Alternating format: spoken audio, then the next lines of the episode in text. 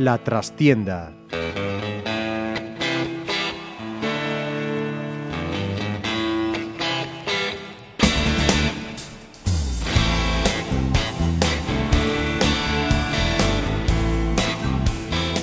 Saludos amigos, os habla Ramiro Espiño en nombre de todo el equipo. Comenzamos una nueva edición de La Trascienda en Montevera Viva Radio. Diez jornadas y una más. Frente al Rápido de Bouzas, nueva derrota, pero con ser malo, lo peor han sido las sensaciones de equipo roto, sin alma ni ambición. Deambulando, como almas, valga la redundancia en pena, durante un primer tiempo desastroso. El Pontevedra sigue avanzando con firmeza, dicho sea entre comillas, hacia un final que si no se pone inmediato remedio le conducirá de nuevo al abismo. Hoy toca tertulia periodística con nuestros compañeros de Diario de Pontevedra y Faro de Vigo. Cristina Prieto, ¿qué tal estamos? ¿Qué tal?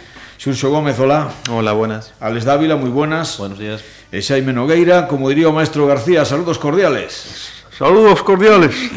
Bos días. Eu sei que sempre che gusta eso de correcto José María, por tanto, hai que copiar o bo, non? Un ídolo, un ídolo, bueno, José María. antes de nada, que tal ha venido el nuevo año, compañeros? Bueno, a nivel personal bien, a nivel deportivo, los que de verdad sentimos el Pontevedra no muy bien, pero bueno, bien, bien, ¿no? Bueno, la gripe ataca, la gripe, atacó, pero bueno, hay que aguantar y tirar para adelante, como el Pontevedra. Todo bien, todo bien. Eu carbón.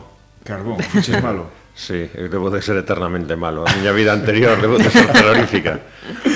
Bueno, un inciso para mm, después ocuparnos del preocupante apartado deportivo, ¿no? Eh, Junta General de Accionistas se está celebrando a la hora de primera emisión en streaming de este programa, por lo que será motivo de análisis la próxima semana. Pero ¿qué esperéis que pase más o menos y con ese avance que ha habido, por lo menos para una parte de, los que habéis asistido en esa comida con, con la presidenta, ¿no? en temas económicos? Pero sobre todo, eh, ¿qué esperéis que pase? ¿Puede haber algún tipo de movimiento social, sobre todo por el tema de, bueno, el Grupo Aval, vamos a llamarla así, que reivindique su puesto en el Consejo donde queda una plaza libre, la de Luis Durán. ¿Qué os parece? A verdade é que así como ano pasado se prevía unha certa actividade e había unha certa tensión no ambiente que se respiraba e que se palpaba incluso na rúa, xente que estaba que tiña certa proximidade tanto a unha parte como a outra e se intuía que había certa tensión eh, neste ano eu non o percibo, o que non quere dicir o que non quere dicir que non vai a suceder nada. Eh, desde logo, se si alguén ten peso para poder facer unha, unha oposición ou para plantexar algún, alguna dúbida seria, porque ao final eh, que o plantexe calquera persoa con 6, 8 ou 10 accións non ten máis sentido que escuitar a súa palabra e o sentido e o sentido do que poda expresar, pero máis alá non vai ter peso, pero xa que un grupo cun cunha porcentaxe de accións eh, próxima ao tercio eh, pois se manifeste en contra e tome medidas e realmente eh, o leve a, a xunta sea algo significativo. Non o percibo, pero, insisto, eh, ao final os que teñen a, a voz son eles e os que teñen o poder para facelo son eles. Yo opino como Xame, perdona. Opino como Xame. Creo que al final eh, lo que interesa ahora mismo es- son ideas nuevas en todos los sentidos, aunque se está haciendo las cosas bien a nivel de, de gestión. ¿eh? Pero bueno, que no creo que haya ningún cambio ni ninguna sorpresa rara. ¿eh? Yo creo que va a ser todo muy tranquilo. Yo veo a la presidenta muy tranquila en ese sentido, entonces no creo que, más allá que quizás pueda haber alguna pregunta incómoda, eh, el factor sorpresa, entre comillas, porque, a- porque al final no, a- Lupe ya sabía que, que, que iban a aparecer ellos en, en, la última, en la última junta, ese factor sorpresa ya no existe. O sea, que todo el mundo sa- sabe que van a aparecer seguramente y que a lo mejor puedan hacer alguna pregunta, pero más allá de eso yo creo que no, que no va a quedar en nada. No, hasta, yo creo que hasta que Lupe acabe el mandato actual eh, no va a haber mucho movimiento. Como dice Alex, el factor sorpresa del año pasado eh, ya no es sorpresa este año. Eh, sabemos todos los que todos los que seguimos al Pontevedra sabemos que están ahí. El año pasado se intuía, eh, pero no era nada oficial. Ahora sí.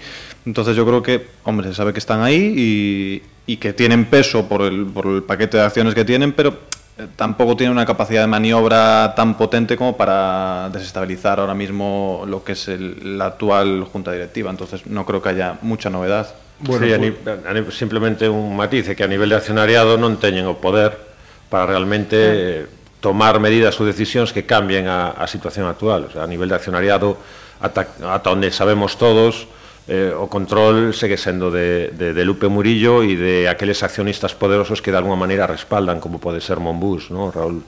Bueno, como Entonces, de todas formas eso entra no capítulo de, de, de la especulación, eh, antes hablábamos de, de José María, del, del ilustre García, y ahora voy a hablar de dos ilustres también, para cerrar ese tema. Típico, ¿os acordáis cómo cerraban los programas? Y la próxima semana hablaremos del gobierno. Pues eso, dejemos la, la Junta de Accionistas para la próxima semana, que ya tendremos todos los datos. Y obviamente vamos a centrarnos en lo deportivo, el partido del Baltasar Pujales. No sé para vosotros qué os ha parecido, pero a mí la primera parte ha sido una película de terror. Para mí es que parece eh, otra vez vuelta a decir lo mismo, pero casi el peor partido de la temporada, sino el peor.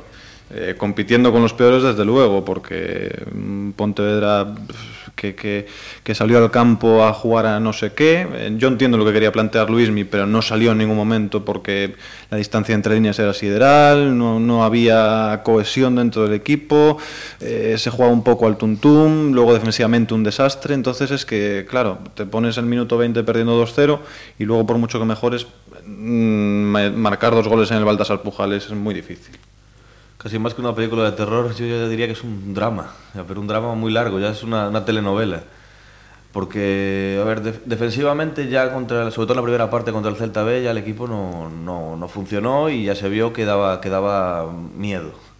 Y si a eso se le suma que la idea que había en ataque de Pasarón no se, no se pudo hacer en, en, en Bouzas pues por el terreno de juego, por los jugadores o por, o por la idea que tenían en ese momento, pues al final se junta que lo, lo poco que se pudo ver en, esa primera parte desapareció y la defensa sigue siendo lo mismo. Yo creo que vamos con retraso con respecto a lo que teníamos que haber hecho hace un mes o dos semanas largas. Yo creo que había que poner una solución hace tiempo, o sea, aprovechar el parón de, de Navidad para eh, poner soluciones. Quizá un entrenador, yo a Luismi no lo quiero juzgar porque quiero darle un poco el beneficio de la duda, pero no creo que sea la solución de, del Pontevedra.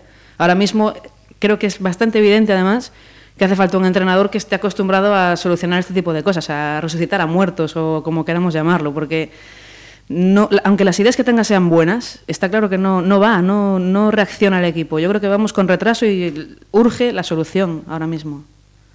Para min o, o máis preocupante eu eh, coincido máis ou menos con todo o que dicides e apunto un dato, agrego un dato máis. Para min o máis preocupante era que daba a sensación ou así se quedou moi gran parte dos que estivemos ali no partido contra o Celta B de que había unha a, unha nova tendencia, de que había un novo aire no vestiario, de que o Pontevedra ofrecía cousas diferentes, é certo que incidían algúns erros anteriores e que ao final nos resultados non se viron traducidos porque o equipo empatou, aínda que realmente fixo méritos para perder, sobre todo a nivel defensivo, pero sí que había unha sensación de que o equipo crecera noutros aspectos do xogo, e en Bouzas volvemos o de antes eh, o de volver a cometer erros defensivos groseros, o de que aparte repercuten no resultado, porque en Celta contra o Celta B tamén nos houbo, pero non repercutiron tanto no resultado.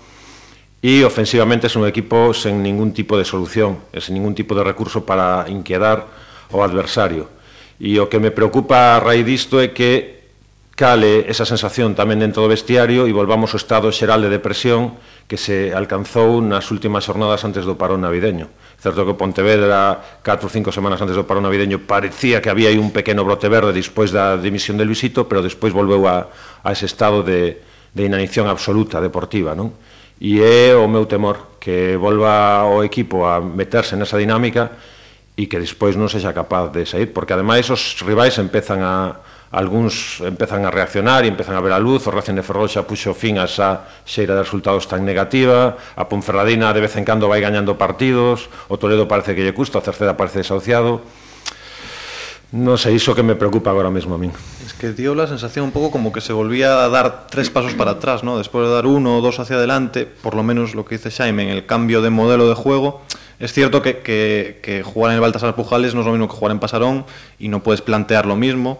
Y es verdad que con Luisito los últimos partidos que fueron nefastos a nivel de imagen, eh, se jugó en Pasarón y se jugó muy mal en Pasarón Pero eh, la sensación del domingo es que se jugó exactamente igual que esos últimos partidos nefastos, eh, teniendo en cuenta que el campo era diferente, pero se volvió un poco a lo mismo y es verdad que eso sí que es preocupante. Hombre, Yo mm, no sé vosotros, pero a mí desde luego me parece, y lo dice mucha gente de fútbol, ¿no? los equipos se construyen desde atrás hacia adelante. A partir de ahí, el año pasado, creo que no era yo solo el único que decía que teníamos unos centrales de mantequilla. Y este año no hemos mejorado, más bien hemos empeorado, porque hablaba Jaime de los errores groseros. Es que el primer gol es absolutamente inadmisible en un equipo de infantiles.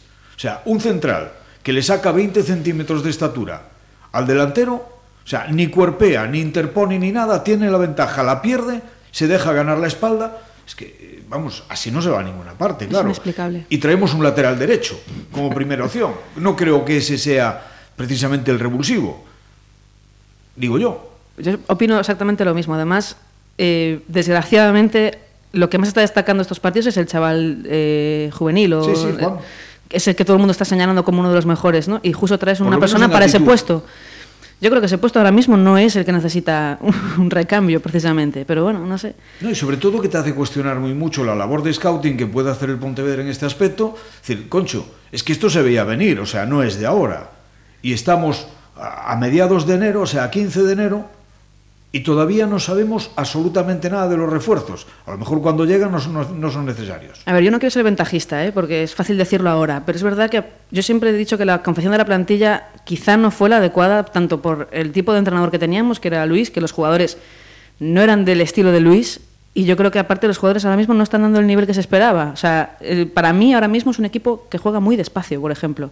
Y en el fútbol la velocidad es clave, ¿no? Entonces falta esa chispa de, de- de alegría o de no sé cómo llamarlo. Es, es lo que yo Eso veo que falta, ¿no? Sabes a palabra que estás intentando Venga. dicir e que non acabas de atopar, intensidade. Sí, pero no solo intensidad, ¿eh? Incluso se o buscas en, en, en física, pois atopas a definición e, e neste caso aplicado ao fútbol é, é No o solo mesmo. intensidad, que también les falta, ¿eh? pero... No Sí, con sí. balón, sino también, no sin balón, Exacto, también con balón. Todo, Exacto, todo, toda a exacto, intensidade afecta a todos os ámbitos Exacto, do, que yo da creo que a actividade veces deportiva. es, eh, eh, esa palabra intensidad se asocia mucho a correr, y Sí, tal. no, sí, también es claro. intensidad con balón y a saber moverse y, y a tener ritmo de juego. Había algún futbolista Concentración. A- ayer hubo algunas acciones, recuerdo una concreta, me está viniendo ahora el flash a la, a la vista, ¿no? Eh, en que Jorge pelea un balón dividido, termina ganándolo y lo toca con dificultades, pero lo toca atrás para Jimmy y Jimmy estaba como cruzado de brazos, esperando. Tanto esas, esperando, o sea, sin ir a por la pelota. Viene Carlitos por detrás y se la limpia. Sí, como esas hubo varias, de, incluso de algúns controles de, de esférico de algún futbolista en centro do campo e noutras demarcacións, eh, por lentitude, por non tomar unha decisión rápida, por dar a sensación, sinceramente, de que non estaba conectado no partido. E outras situacións de balóns divididos nos que algúns futbolistas, pois, por ni sequera entraron na disputa que non tiña situación vantaxosa. E iso é mm, outro dato máis para, para sentirnos preocupados, francamente. Se un equipo que está na situación na que está, na que en teoría acaba de entrar oxígeno no vestiario, na que hai uns incentivos novos para intentar gañar a posición dentro do once inicial, non é capaz de ter esa agresividade, esa intensidade propia eh, da súa necesidade, realmente o problema é, é serio. Eu me pregunto, desde aquella famosa rueda de prensa post-Talavera, donde se dijo que se iba, no se iba a dejar títere con cabeza, si fuera necesario, han pasado unos cuantos meses. Y todo lo que se ha hecho ha sido dar la baja a Monjil, que no jugaba, y traer un lateral derecho que venía de jugar todos los partidos en su equipo, pero que ayer no tuvo ni un minuto. En teoría para suplir a Miguel Ángel, ¿no? Porque Miguel Ángel no, no se sabe dónde está. ¿no? A ver, Dani se le espera. Sí, ¿no? Eh, El tema del lateral derecho, yo, claro, ahora es fácil ver que Juan está respondiendo, pero yo el tema del lateral derecho a mí me parecía una posición prioritaria a reforzar, porque llevábamos dos meses sin lateral derecho. Entonces, Eso sí, pero los centrales también. exacto. Porque Entonces, estábamos ahora jugando claro, con Adrián León de central, que no vino para central. Mm, eh, eh, A eso es un poco a lo que voy, que yo viendo que, que, que tampoco vas a dar ocho bajas, eh, pondría, digamos, una escala de prioridades. Y dentro de esa escala de prioridades, para mí hay un central que es clave, porque, O dos. o, o dos, pero por lo menos uno. Eh, un extremo porque no tenemos, sobre todo por la izquierda. Alex González a mí me gusta mucho, pero eh, lo veo más como un revulsivo y creo que Luismi también, un jugador para que en los últimos 35 minutos te cambie el ritmo de partido y no desgastarlo tanto durante los 90 porque al final pierdes esa baza al final y quizás un delantero antes que un lateral derecho, pero claro, es que lateral derecho hasta la llegada de Juan y hasta la subida de Juan y que está respondiendo genial, no teníamos, entonces que yo entiendo que se haya fichado. Pero, perdona, ¿eh? en los equipos cuando juegas de pequeño al fútbol y todo eso, ¿no? Siempre el, malo del equipo lo ponen a jugar de lateral, ¿no? En plan, ahí, no molestes, ¿no? O sea, quiero decir, es una posición que sí, que es importante cubrir, evidentemente, Bueno, pero pero, que- pero para mí no es prioritario. los Para mí es priori- sí tienen importancia. Pero para mí es prioritario otros puestos ahora mismo, porque eso se puede suplir más o menos. Sí, por No eso me parece- estamos hablando. En cuestión de prioridades, yo creo que también. No, no Pero parece bueno, claro, si se hizo un trabajo desde hace mm, tres meses buscando un lateral derecho, entiendo que ahora que ya está finalizado se fiche, ¿no? Sí, Evidentemente. estou de acordo. Para mí non é cuestionable que fixese falta un lateral dereito. Eh,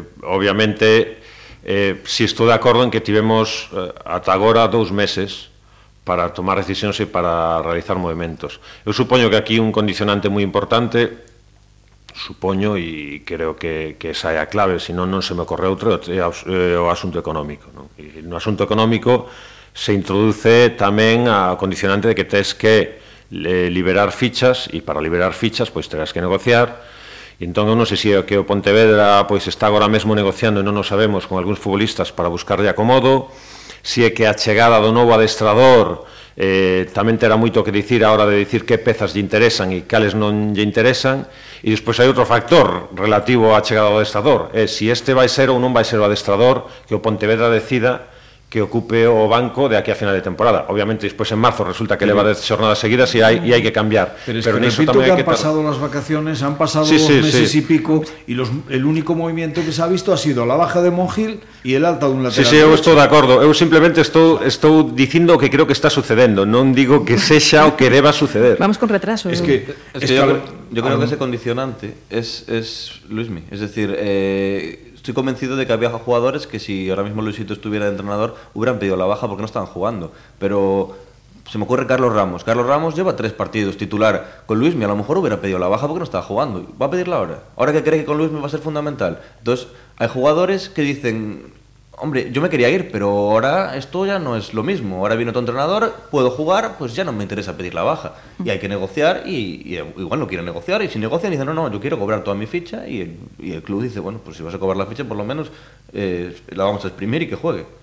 Pero repito que eso cuando después de Talavera y de no aceptar la dimisión de Luisito se dijo lo que se dijo, eso ya se sabía. Que había que contar con o la conformidad del jugador al que, del que quisiese prescindir o pagarle. O sea, no es nada que, que haya surgido ahora. Eh, vamos a ver, ayer jugamos este domingo contra el Rápido de Bouzas. ¿Me queréis decir que el Rápido de Bouzas tiene más capacidad de, de convicción, más medios económicos para traer, por ejemplo, al máximo goleador del grupo vasco de tercera división, convencerlo de que venga a jugar al Baltasar Pujales y nosotros no encontramos nada ni parecido? Que por cierto, no me pareció mal jugador, al menos en, en cuanto a actitud. No, jugó muy bien, pero bueno, claro, eh, es que yo creo que si eh, la solución del Pontevedra pasa por fichar al, al máximo goleador del grupo tercero vasco. Hombre, mejor, eh, que, a un, mejor que a un jugador sí. que ha marcado dos goles en 29 partidos. Si estoy, de acuerdo, si estoy de acuerdo, que a mí el chaval me encantó casi, me parece un jugadorazo, ¿eh? lo poco que le vi, y evidentemente lleva los goles que lleva, y aportó muchísimo, y es un tío que al Pontevedra, visto solo lo de ayer, y solo puedo valorar lo de ayer, a mí me pareció que podría ser útil, pero claro, imaginaos eh, con toda la presión que hay, la que se armaría, ya de primeras si, si, si se va un delantero que se va y lo que traemos en vez de a un jugador referente en la categoría es a un chico que lo está haciendo bien en tercera. Claro, es que es complicado acertar porque eh, ya las exigencias son muy altas. Suso, Entonces, es complicadísimo acertar, pero en 15, equivocarte en 14 es difícil de narices. Son cosas de dinámicas. Al final, todos sabemos que los jugadores que ahora mismo en el equipo son mucho mejor de lo que, de lo que están demostrando. Equivo- ¿Se equivocaron? Pues a lo mejor a lo mejor el año que viene estos jugadores están en otro lado y, y, y Feans o Luisito, que son los que los trajeron, dirán, ¿veis cómo no eran tan malos? El problema es que cuando entras en esa dinámica, que no te sale nada, que psicológicamente estás bloqueado, el futbolista parece que es de preferente. Me vas a perdonar una cosa, o sea, estoy absolutamente de acuerdo contigo, pero tienes que analizar entonces también la trayectoria de dónde vienen esos jugadores. Te has traído cuatro del Burgos que jugó play-out de permanencia. Te has traído dos del Boiro que descendió. Te has traído uno del Céltico que descendió. Te has traído uno del Valladolid B, que lo que te decía, dos goles en 29 partidos. Te has traído un delantero centro, cinco goles en 34 partidos. De ellos tres en un solo partido. Hombre, las trayectorias precisamente no son como para pensar que van a explotar todos. Alguno puede explotar. Monjil, sin ir más lejos, venía del cacereño. Jugó Del Mérida. o del Mérida 18 partidos. Es decir, no era titular indiscutible tampoco en el Mérida. Yo creo que las trayectorias también están para analizar, digo yo, antes de, de firmar, ¿no? Sí, pero por esa regla de tres el rápido de Bouzas iría último.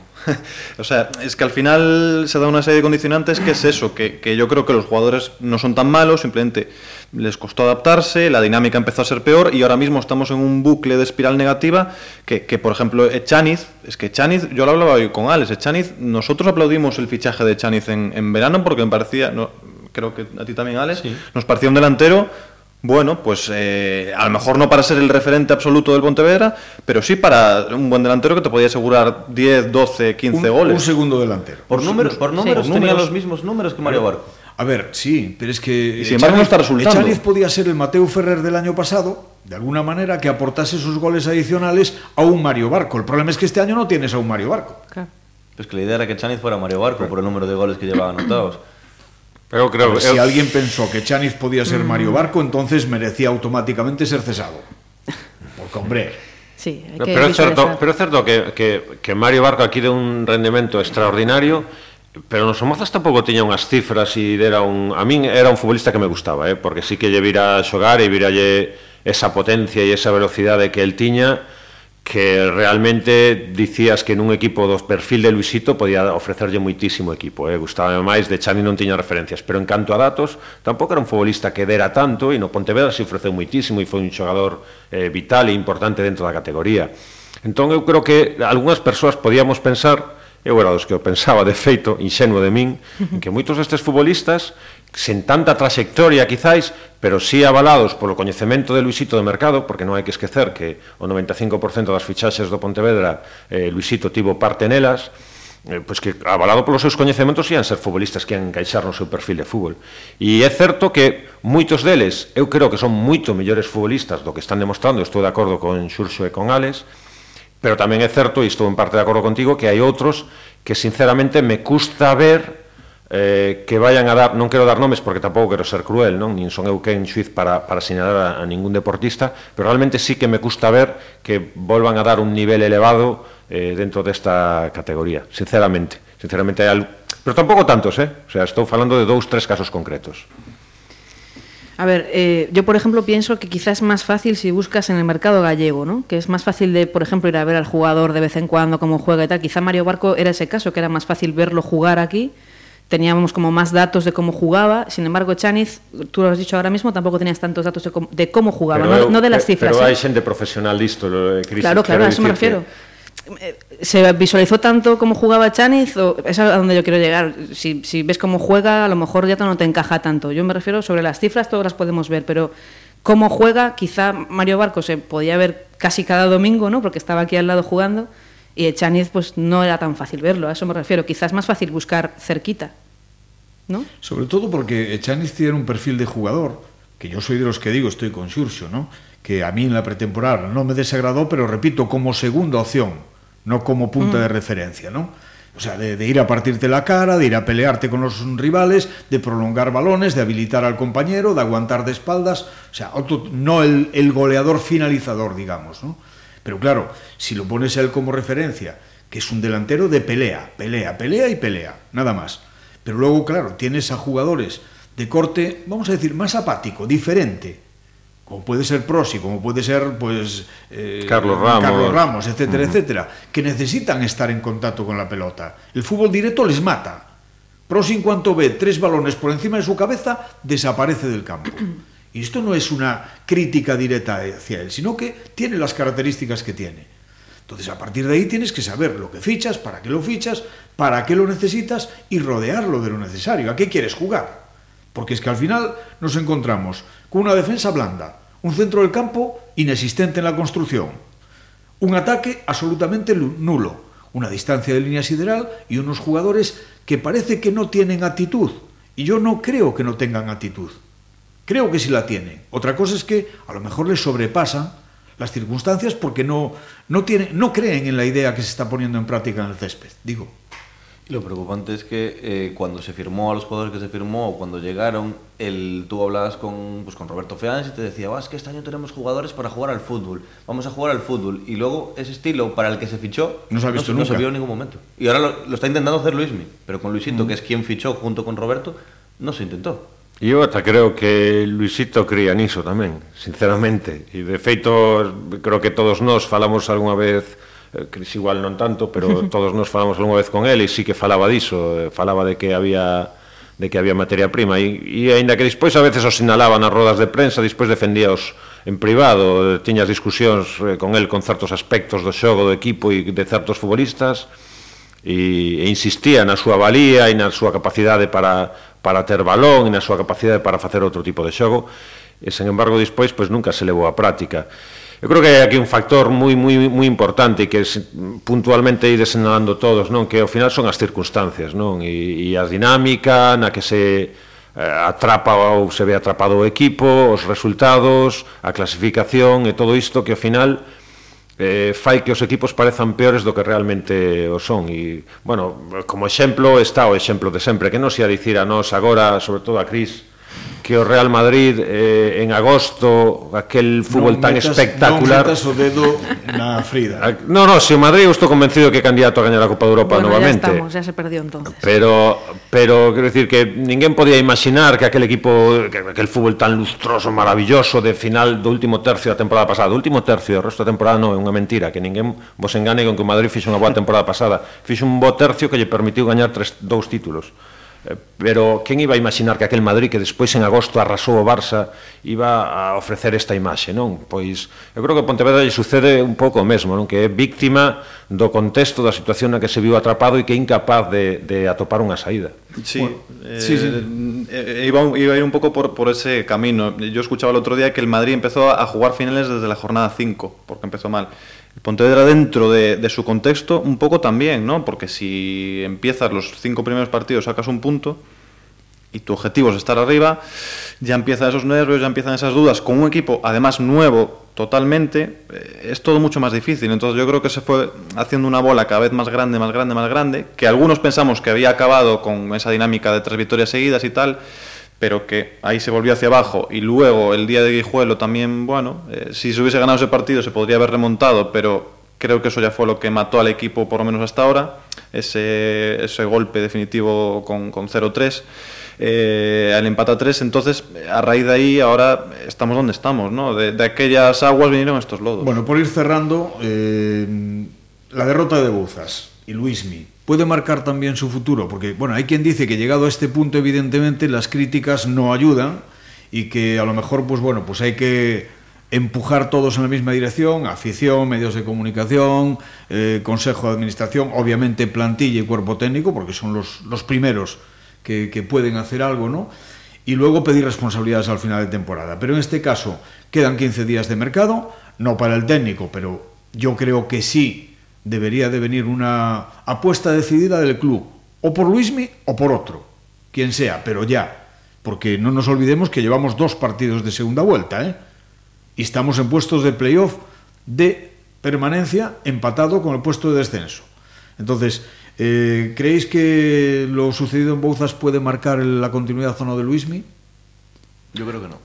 Yo creo que se le va a dar, pues, o, o al menos eso espero, al menos una semana más, porque el partido contra el Cerceda, que es el siguiente, no sé si no me equivoco, bueno, es básico, ese partido es básico y sin ese partido se fracasa sí que tendrán que tomar otras decisiones y vamos a una semanita más de margen, incluso con el mercado abierto, para intentar buscar algo Pero más. es que la interinidad para mí es mortal, ¿eh? Como intenten hacer algo más ahora, mi- ah, o sea, como intenten echar, un echar el entrenador o traer uno ya, tiene que venir eh, miércoles, tiene que estar entrenando ya. Hoy recuperación, mañana creo que descansan, supongo, y miércoles tiene que estar entrenando. Si no, no tiene sentido. Para traerlo a golpe de viernes, Yo sigo pensando que vamos tarde. O sea, yo creo que tanto Luismi o quien sea, eh, me da igual, tenía que ser fijo el entrenador que fuese antes de, de- de empezar el, de reanudar de la autoridad de competición. cara a la plantilla. Sí, pero no solo por autoridad, sino por, por apuesta de el estilo que va a, a ofrecer o, o como quieras llamarlo, me da igual. Tenía que ser ya una apuesta firme y decidida antes de empezar otra vez la, la liga, antes del después, o sea, en el parón de, de Navidad, quiero decir. Y los fichajes lo mismo. Yo creo que tenían que haber llegado más o menos en ese parón para poder ir adaptándose ya a la plantilla. Es que ahora vamos con retraso porque entre que llega el jugador que sea, se adapta, coge el ritmo, porque no creo que venga nadie ya con ritmo, ¿no? No creo que haya ningún jugador ahora mismo que, bueno, igual sí, no lo sé. Nacho, Nacho viene por ritmo. Sí, por eso, pero bueno, me refiero a algún jugador eh, que pueda ser referente en la plantilla, el típico jugador que esté a lo mejor pues un delantero que nos hace falta como, como el vivir, pues a lo mejor sí que... el primer día, es complicado. Sí, es complicado, entonces yo creo que tenía que haber estado aquí ya. A ver, es evidente que el resultado de Bouzas va a marcar el futuro de Luismi desde el mismo momento en el que es un entrenador interino y no tiene el respaldo oficial eh, público del club eh, a nivel de, de, ser rotundo. ¿eh? No digo que no lo tenga ni que no confíe en él, porque es evidente que si no confiase en él no estaría, no estaría entrando al Pontevedra ahora mismo.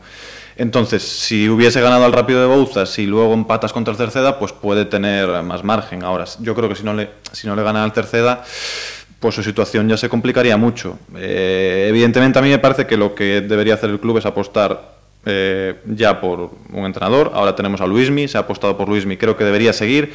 Que afirmar que es el entrenador no interino del Pontevedra no significa que dentro de 10 partidos, si las cosas no, no van bien, puedas cambiar de entrenador porque necesitas un revulsivo de cara a final de temporada ya un poco a la desesperada, ¿no? Pero sí apostar por, por él eh, como entrenador ya de forma, eh, por lo menos definitiva, como se apostó por Luisito en su momento, pese a que al final no, no acabó la temporada, ¿no? Y aparte creo que es el entrenador que por estilo de fútbol y jugadores puede encajar más.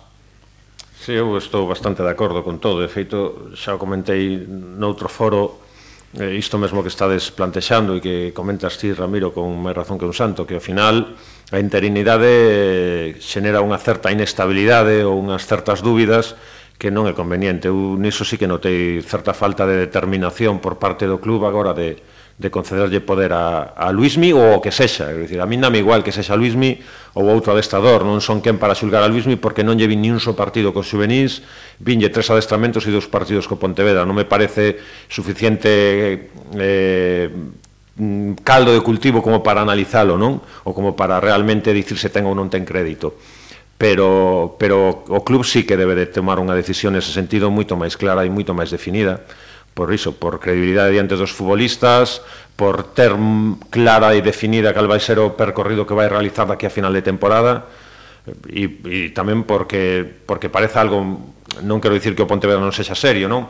pero porque parece un pouco máis serio, non? porque realmente esta interinidade de eh, xa veremos que sucede coas sensacións e os resultados non me parece o apropiado dun club deste, desta categoría. Pois pues aunque sea a costa de un vecino como es el Cerceda, lo sentimos, pero la caridad bien entendida empieza por uno mismo, o sea que a ver si llega la victoria que falta hace despois de 11 jornadas sin saborearla. Compañeros, muchísimas gracias por estar aquí, seguiremos hablando evidentemente del gobierno, como decía Tipicol, y a los que nos escucháis os dejamos con nuestra habitual despedida musical. Puede que el Pontevedra no esté fuerte, pero nosotros seguimos muy fuertes. Si iniciábamos el año con Deep Purple, nada más y nada menos, pues hoy lo hacemos con mucho ritmo, con mucho rock, y ellos fueron el lado oscuro, en plena Beatlemanía. Duraron más que el mítico cuarteto de Liverpool, de hecho siguen subidos a los escenarios, a pesar de que algunos ya ni siquiera peinan canas, porque no las tienen, de los que fueron, digo, de los Beatles, su némesis particular. Ellos son Status Quo y su tema Whatever You Want. Como siempre, que lo disfrutéis. Hasta la próxima semana y muchas gracias por escucharnos.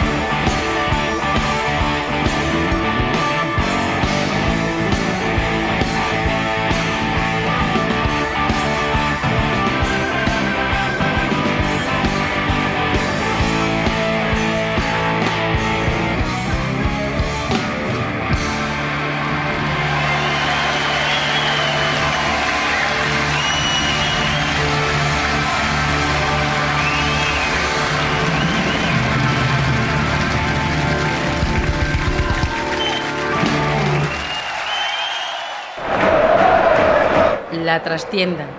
Pontevedra Viva Radio.